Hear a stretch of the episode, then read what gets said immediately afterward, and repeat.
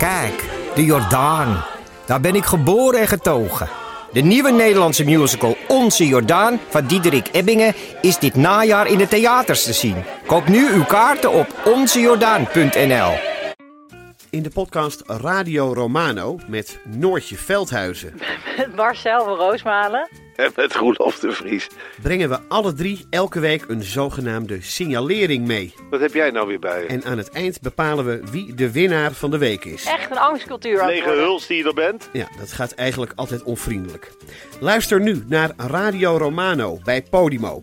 Via podimo.nl slash Radio Romano luister je 30 dagen gratis. Voordat we gaan beginnen, het volgende. Als je nou geniet van deze podcast, Man met de microfoon, en van mijn andere podcast, Een grote bruine envelop, realiseer je dan wel dat ik dat kan maken mede dankzij jullie steun. Word dus lid van Man met de microfoon. En dat kan bij petje.af. En als lid krijg je af en toe iets extra's. Nou, lid worden kan al vanaf 3 euro per maand. En dan koop je niet eens een, een double decaf non-fat oatmeal café latte voor. Toch? Ga dus snel naar petje.af en word lid van Man met de microfoon. En dan kunnen we nu beginnen.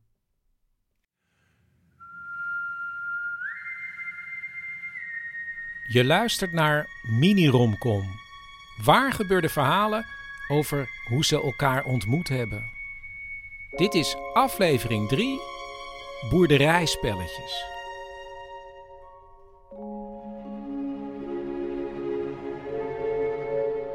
Hoofdrolspeelster in dit verhaal is Irene, theatermaakster en schrijfster. En op dat moment was ze 36. 36? Ik was 36, ja. Ja, en ik had hem al lang opgegeven, de liefde. Denk ik. En waarom was dat eigenlijk? Nou, ik ben zelf een heel gecompliceerd persoon. En dan moet je wel heel veel geluk hebben dat je iemand tegenkomt die erger is dan jij of eh, die er iets mee kan. Toch heeft Irene in haar leven verschillende relaties gehad achter elkaar. Ik was altijd wel een beetje op zoek naar, een, naar vastigheid. Ik ben absoluut eh, niet van het scharrelen. Dus het was al- altijd, als ik iemand leuk vond, dan werd het ook wat. Ik zou niet zomaar gaan zoenen op niks af. Dus ik had volgens mij mijn eerste vriendje tussen mijn 15e en mijn 16e. En toen van mijn 16e tot mijn 19e. En toen van mijn 19e tot mijn 22e. Het ging gewoon maar door. Maar uiteindelijk gingen al die relaties uit. En toen kreeg ze iets met iemand die ze eigenlijk al vriendschappelijk kende vanaf de middelbare school. Misschien was dat wel een reden voor succes. Dus ik dacht echt van, nou, dit is een op basis van vriendschap. We kennen elkaar eigenlijk al vrij goed. We kennen elkaars ouders. We, we moeten om elkaar lachen. We vinden elkaar leuk. Dus als dit niet werkt, dan werkt niks. Oké, ze had een relatie, maar op dat moment speelde er ook nog iets anders in haar leven. Ik was toen nog heel erg eh, aan het zoeken op werkgebied. Daar heb ik, daar heb ik lang, lang over gedaan om een plek te vinden. Irene wilde iets met cabaret of theater en hoopte dat haar vriend haar daarin zou steunen. Maar hij was daar heel ja, negatief over. Hij was er wel heel negatief over. Dat, dat was hij ook wel. Een negatief ingesteld iemand. Maar dat benadrukte wat ik zelf al over mezelf vond. Van ik ben er te slecht voor. Ik ben niet goed genoeg voor dit vak.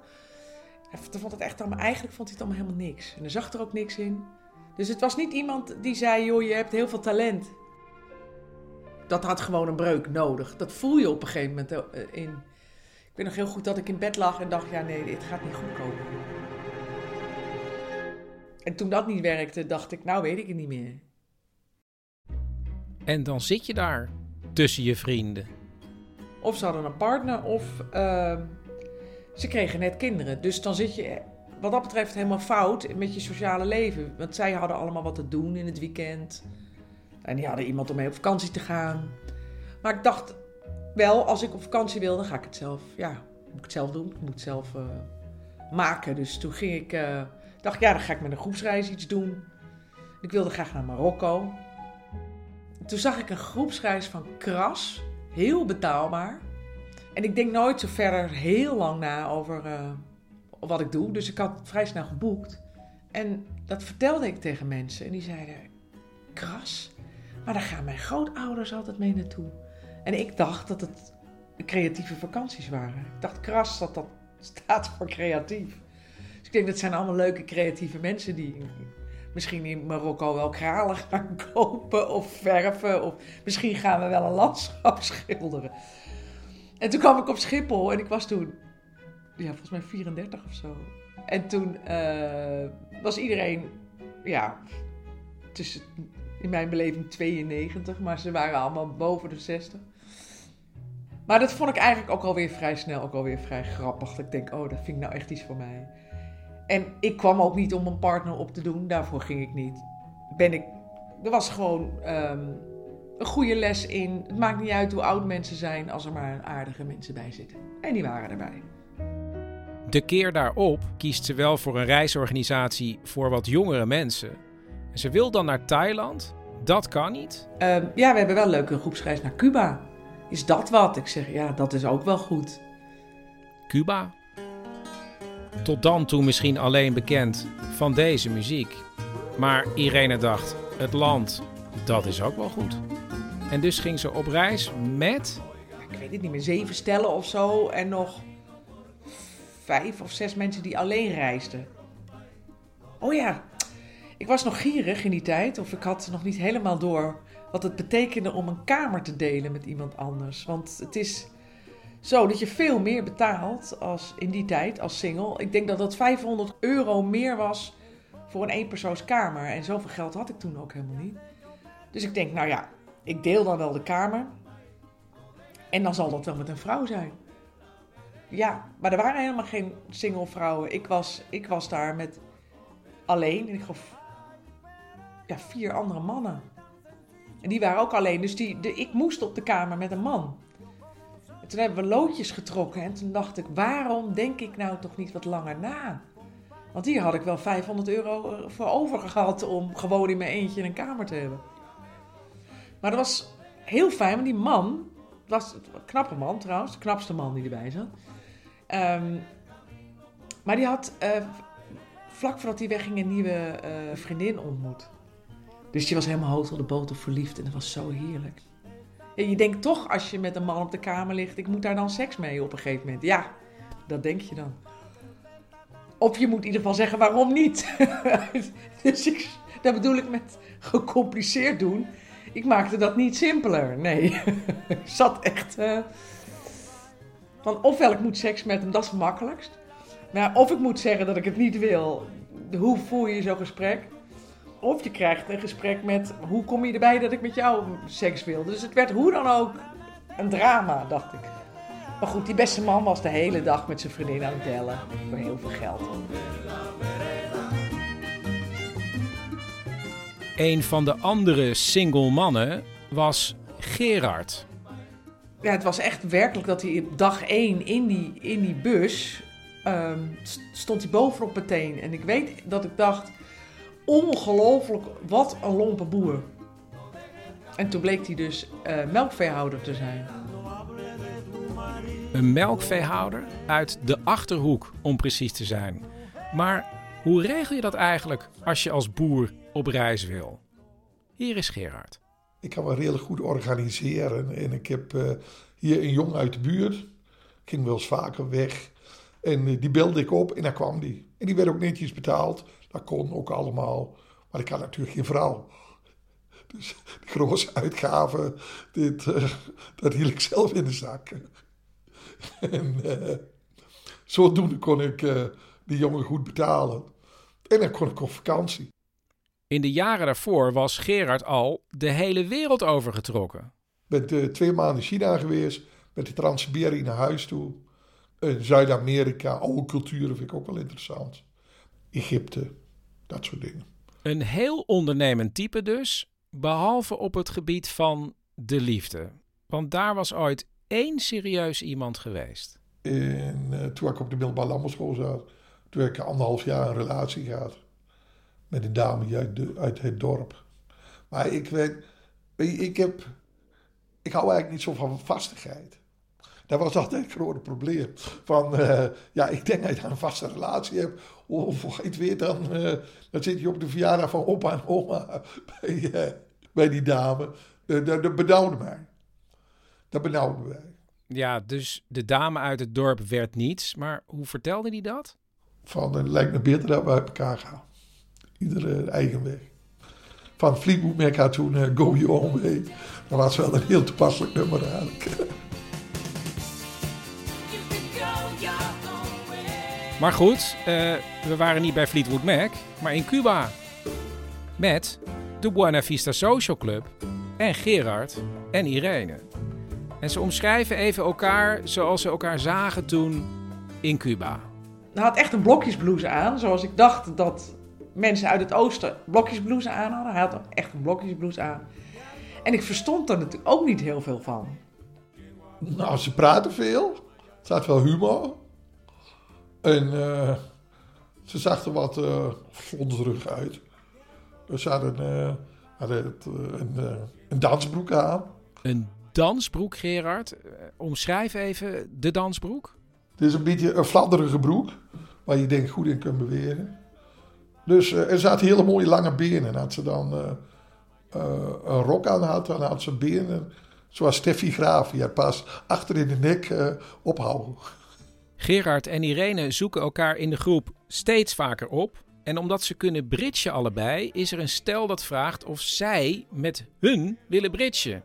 En dat doen ze. Ja, dat Brits was natuurlijk wel onder genot van een glas rode wijn. En een beetje bla bla bla bla bla bla. Dus, eh, en toen leerde ik Irene eh, hoe langer hoe beter kennen. Ik dacht op een gegeven moment wel, ja, volgens mij vindt hij me wel leuk, want mij, hij was wel vaak aan het stompen. Wacht even. Stompen? Ja, dan weet je, zo pets en eh, ja, het, het, eh, het was niet, laten we zeggen, een, een, een, een Cubaanse, Italiaanse, Spaanse manier van, van flirten. Nee, laten we het zo zeggen, dat, dat niet. Dat moet je wel in een context zien. Zij vroeg er ook af en toe. Van dan dit zijn wat woordspelingen of wat grappen. En ik denk, ja, op reageren. Snap je?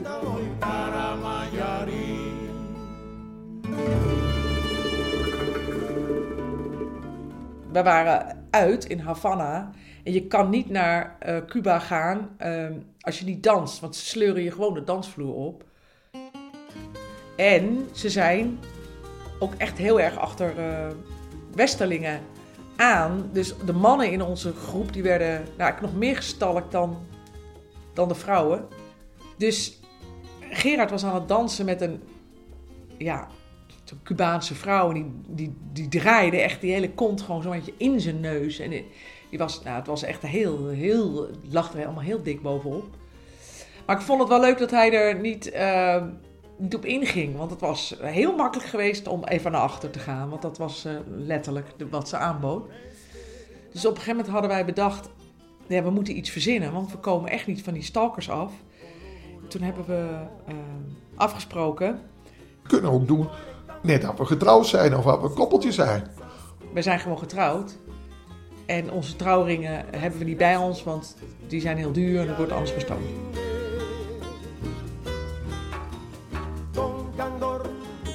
En toen dachten we, ja, nu moeten we wel samen dansen om te laten zien dat wij wel echt een eh, lang getrouwde koppel zijn. Nou, daar moeten ze meteen van hebben gezien. Die mensen hebben elkaar nog nooit van dichtbij vastgehouden, want we, het was echt, we konden elkaar echt totaal niet begrijpen in de dans. Gerard heeft het bovenop meteen. Die kan, heeft echt helemaal geen ritmegevoel. Echt fascinerend hoe niet. Maar echt helemaal niet. Ja, ik weet dat ik me toen afvroeg hoe zou het zijn om een relatie te hebben met een man die je eigenlijk gewoon accepteert zoals je bent. Die vraag ontstond in haar hoofd ook vanwege de reactie van Gerard eerder die reis op haar outfit. Want dat was In een, zomerjurk met plastic cowboylaarzen. Omdat ik mijn sandalen niet had. Nou, dat is voor mij allemaal heel normaal. Mijn ex vond dat bloedirritant. Echt, maar echt bloedirritant. En hij vond het vooral dat hij dacht, goh, apart. Dus je hebt geen andere schoenen bij je. Dus je loopt nu op plastic cowboylaarzen. Nou, die gingen kapot. Het scheurde allemaal kapot vanwege het goedkope materiaal. Maar ik had plastic, plakplastic ergens gekocht. En toen heb ik bloemetjes uitgeknipt. Paarse bloemetjes. En op die wonden, op die schoen geplakt. Nou ja, en dan dacht ik, dat vind ik toch leuk gevonden. En hij vond dat, ja, hij zei, nou ja, raar, maar hij moest er verder om lachen. En je voelt dat iemand dan daar niet meer van denkt. Maar bij mijn ex was dat allemaal heel erg irritant. Terwijl je kan er ook om lachen, zag ik. En er was nog wel meer waar Gerard luchtig op kon reageren. Nou, ik had natuurlijk ook geen creditcard bij me, was ik ook vergeten. Dus ik had op een gegeven moment was mijn geld op. Toen moest ik van hem geld lenen. Ja, vond hij verder ook prima, weet je wel.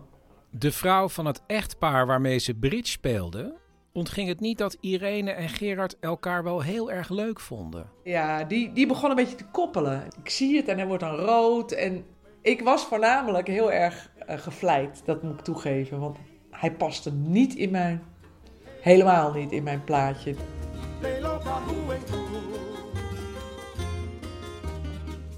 En toen was er opeens het moment dat ze dacht: hij past wel in mijn plaatje. Maar toen wilde ze bij Gerard toch nog even checken of hij er echt wel leuk vond. En, eh, en toen, eh, toen vroeg ze dadelijk, zeg ik, ja natuurlijk, ik ben de leukste van het hele stel. En eh, toen zijn we naar het strand gegaan. En, eh, en toen ging ik bij eh boerderijspelletjes doen. Boerderijspelletjes? Ah, dat is iets heel speciaals. Dat laten we maar onder ons. Toen waren we heel erg dronken, want ik heb nog nooit iemand volgens mij voor het eerst gezoend zonder drank op. Ik vind dat, dat kan je, dat, dat kan niet. Nee, dat vind, ik, dat, dat vind ik allemaal zo ongemakkelijk. Dat je dat moment dat je niet nuchter bent en denkt dat zou nu wel eens kunnen gebeuren. Dat moet je kunnen. Dus er zat heel veel drank bij. Nou, dat was wel eh zeer aantrekkelijk.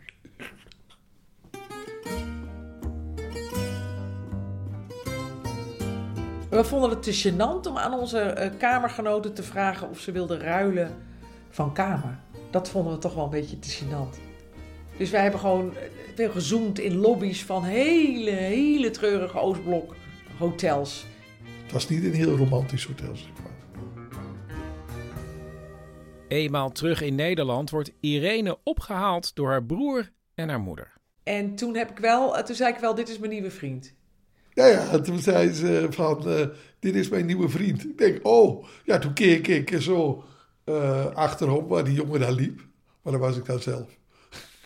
Nou, dat komt, als ik, dat zei ik in het begin ook al, als ik, als ik eh, ga zoenen en, en, en, en dat de dag daarna nog doen, ja, nee, maar dan wordt het ook altijd wat. Dan ga ik er ook wel proberen. Nee, toen dacht ik, maar ja, als ik kom uit Amsterdam, totaal ander beroep. Ja, de Achterhoek is een heel andere wereld. Dat moet je toch wel snappen. Ik dacht van, eh nou, bij de baan b- blijf toch liever in Amsterdam. Dat ik wel in. Vond ik wel jammer, maar ja, Ik heb nooit gedacht van, eh, eh, ik weet niet waar het is, hij is boer. Ja, dacht ik, ik zie het wel. En toen, eh, ze was me nog 100 eh, gulden aan verschuldigd, of euro was. Toen was het geloof ik al euro. Dus daar kwam ze toen brengen en toen begon het helemaal te lopen. Iedereen kwam kijken van, wat is dit dan? Ten eerste heeft, heeft die van Burgers, heeft er één. En het schijnt, het schijnt dat het een stadse is en ze doet iets op een podium. Dus het werd wel, het werd steeds vreemder en groter. En hoe zat het dan met het cultuurverschil? Irene moest waanzinnig gaan wennen wat de deur los is. In, eh, in Amsterdam is de deur niet los, is alles op afspraak. En hier gebeurt dat niet. Ik stap ook gewoon op de fiets. Dan zeg ik, oh, even kijken dat mijn neef thuis is. de buren die kwamen ook binnen. En ik ken mijn buren in Amsterdam helemaal niet.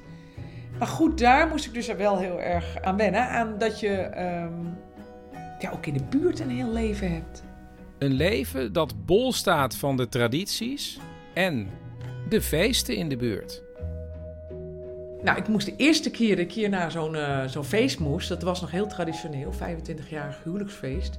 Zit iedereen zo aan, eh, aan lange tafels. De volleybal bij de volleybal. eh, de oranje vereniging daar, familie daar, buurt daar. Allemaal volstrekt gescheiden. Ik had een jurk aangetrokken. En ik had lange laarzen aan met een hak. En ik voelde me zo overdressed. Dat heb ik eigenlijk nooit meer gedaan. Kijk, de meeste mensen... Die waren gewoon in de kleding die ze smiddags ook aan hadden. En... eh, en het bruidspaar eh, had gewoon een, een, een nieuwe gestreken blouse. Maar voor de rest ook hetzelfde. En dragen mensen in het westen op een begrafenis chique zwarte kleren? Zo niet in het oosten. Nou ja, we doen gewoon dezelfde kleren aan. Want zo heeft iemand je gekend. En geheel tot haar eigen verrassing betekende de relatie met de boer in de achterhoek een geheel nieuwe impuls voor haar werk. Eh, want ik, ik heb zelf op een gegeven moment, toen Boer zoekt vrouw op televisie kwam, dacht ik ja, maar daar heb ik wel wat over te zeggen. Dus toen heb ik eh, eh, een keer een ingezonden brief gestuurd naar de, naar de Gelderlander. Wel met het idee van ja, ik zou hier wel over willen schrijven. En dat vonden ze bij de Gelderlander een goed idee. En dus schreef ze iedere vijf weken een column over haar leven in de achterhoek met boer, zoals ze Gerard in de stukjes noemt. En daar bleef het niet bij. En toen heb ik er een heel cabaretprogramma van gemaakt, De Boer op. En toen? Toen mocht ik een boek schrijven, ook over dit onderwerp. De Boer op. Dus had ik een boek, De Boer op. Cabaretvoorstelling, De Boer op. En die columns. En die columns verschijnen niet meer iedere vijf weken, maar wekelijks. En wat betekent dat, Gerard? We worden wel, of zij wordt wel eens herkend uh, in restaurants. Dan zit ik erbij. En dan hoor je, oh, en jij bent dan boer. Dus uh, dan, ga, dan, dan, ben ik eigenlijk in één keer bijna nog exotischer dan Irene. Van, uh, dan zien ze in één keer boer. En hoe zit het tot slot eigenlijk met boer en de romantiek? Hij zit niet op de manier uh, zoals de Cubanen na één minuut zeggen: uh, Ik hou van je, je bent de mooiste vrouw die ik ooit heb gezien. Maar hij is altijd. Uh, kijk, ik ben helemaal geen ochtendmens en hij is een ontzettend ochtendmens. Dus als ik vroeg, heel vroeg op moet, dan staat hij ook om zes uur op en dan gaat hij brood smeren en koffie maken, omdat hij weet dat ik het morgens moeilijk heb. En volgens mij is dat heel romantisch.